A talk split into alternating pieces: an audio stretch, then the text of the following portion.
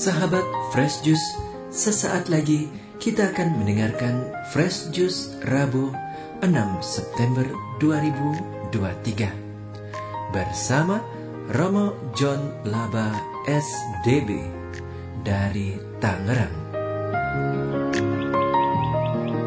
Kami juga ingin menginformasikan Fresh Juice akan mengadakan siarah bersama ke Holy Land di bulan Desember 2023. Sekaligus ulang tahun Fresh Juice yang ke-11 di Holy Land bersama Romo John Laba SDB dan Romo Vincent Widi MJL.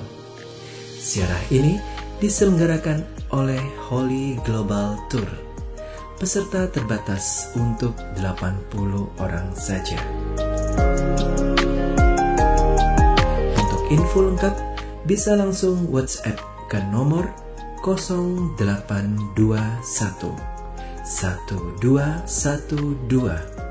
2525 atau bisa bergabung di grup WhatsApp dengan klik bit.ly garis miring FJ garis Holyland 2023. Akhirnya, Mari kita mendengarkan renungan hari ini.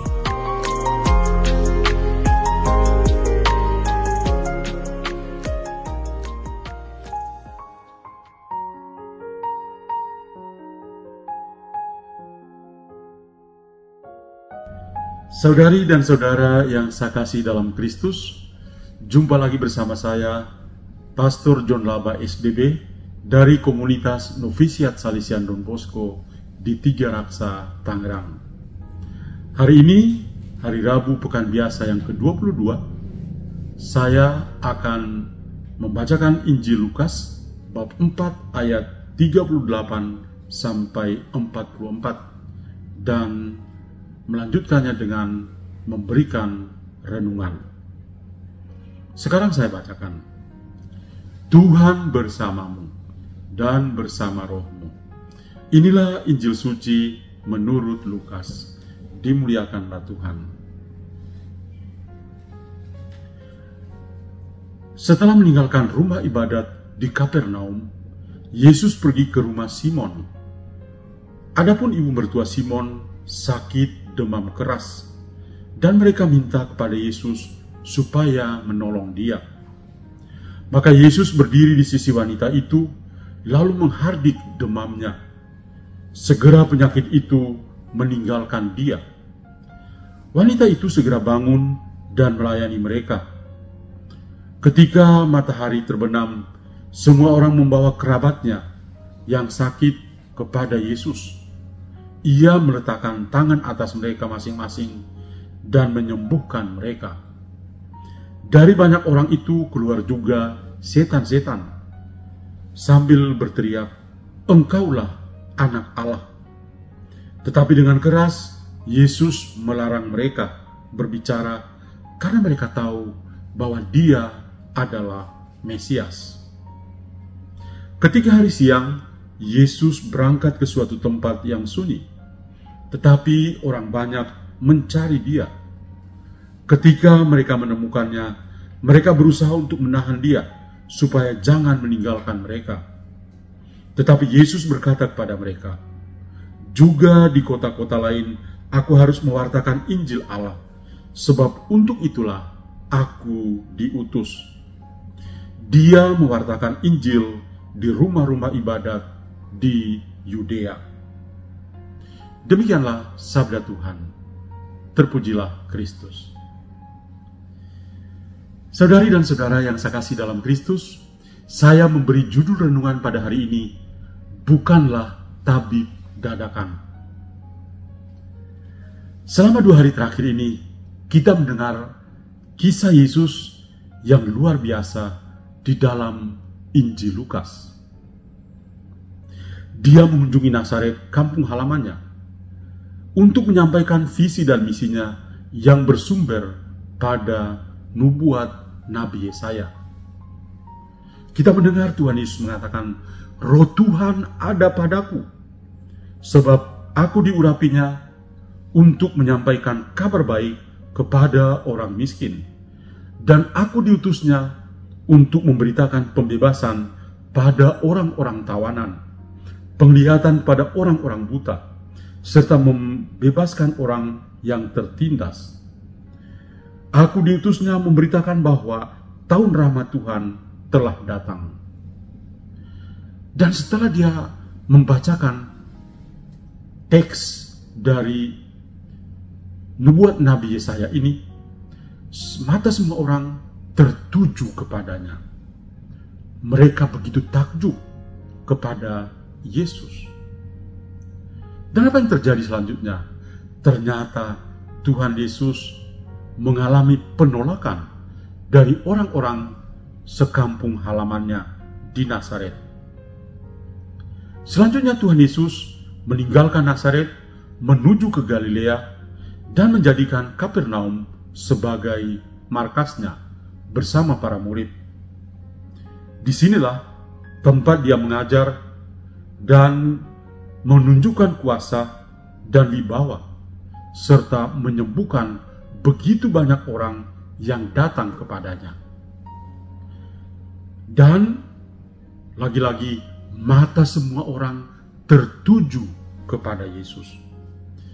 Dia bahkan disegani dan diakui oleh roh-roh jahat sebagai yang kudus dari Allah.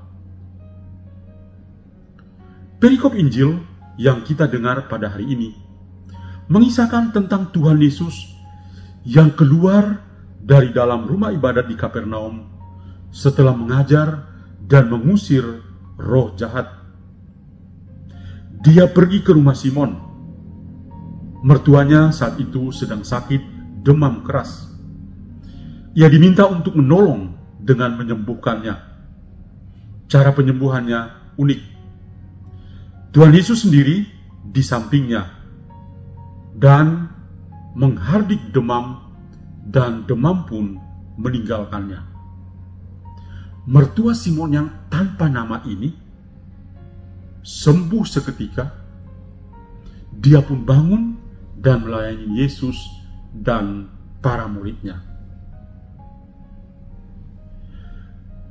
Pada sore harinya, Tuhan Yesus juga melakukan penyembuhan-penyembuhan yang lain. Banyak orang datang dan memohon supaya Tuhan Yesus menunjukkan kuasa penyembuhannya. Cara penyembuhannya juga unik. Dia meletakkan tangan atas mereka. Dan ini menjadi berkat bagi mereka. Dia menyembuhkan, bahkan setan-setan pun keluar sambil berteriak seraya mengakuinya sebagai anak Allah. Apakah Tuhan Yesus membanggakan diri depan mereka? Ternyata tidak. Tuhan Yesus tidak menepuk dada di depan orang-orang yang sakit yang dia layani, bahwa dia hebat. Yang terjadi adalah Tuhan Yesus melarang mereka untuk membicarakannya sebagai Mesias. Tuhan Yesus menjadi tabib yang sangat viral pada waktu itu. Dia bukan tabib dadakan, atau tabib-tabiban. Dia sungguh datang ke dunia untuk menyelamatkan semua orang yang berharap kepadanya. Semua karena cintanya kepada manusia. Dia adalah anak Allah yang menyembuhkan. Banyak kali kita bukan seperti orang-orang sakit di dalam Injil. Ketika mereka mendengar Yesus datang, mereka datang dan memohon supaya Tuhan Yesus menyembuhkan mereka. Kita ternyata beda. Banyak di antara kita ketika sakit, mereka ke mana? Mereka pergi kepada dukun, bukan kepada Tuhan. Kadang-kadang mereka pergi kepada pendoa. Dan kadang-kadang pendoa juga, ya menunjukkan kemanusiaannya lebih besar daripada keilahian. Bagi saya ini adalah sebuah kesalahan yang fatal. Tuhan itu harus menjadi andalan kita. Tuhan itu harus kita cari. Carilah Tuhan ketika kita membutuhkannya.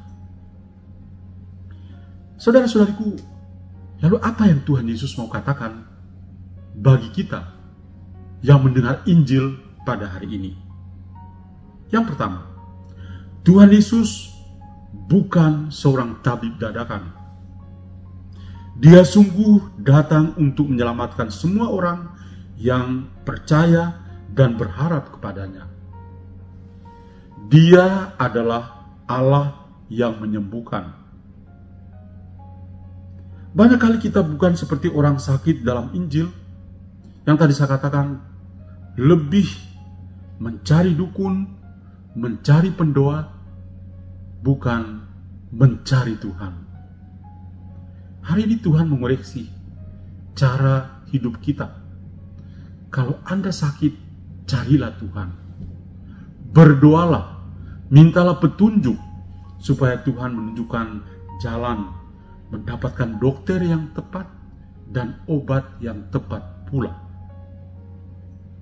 Yang kedua, Tuhan Yesus menunjukkan kuasanya atas segala sesuatu. Dalam perikop Injil kita pada hari ini, kita mendengar demam yang keras dilenyapkannya. Berbagai macam jenis penyakit dan kuasa setan dipatahkannya.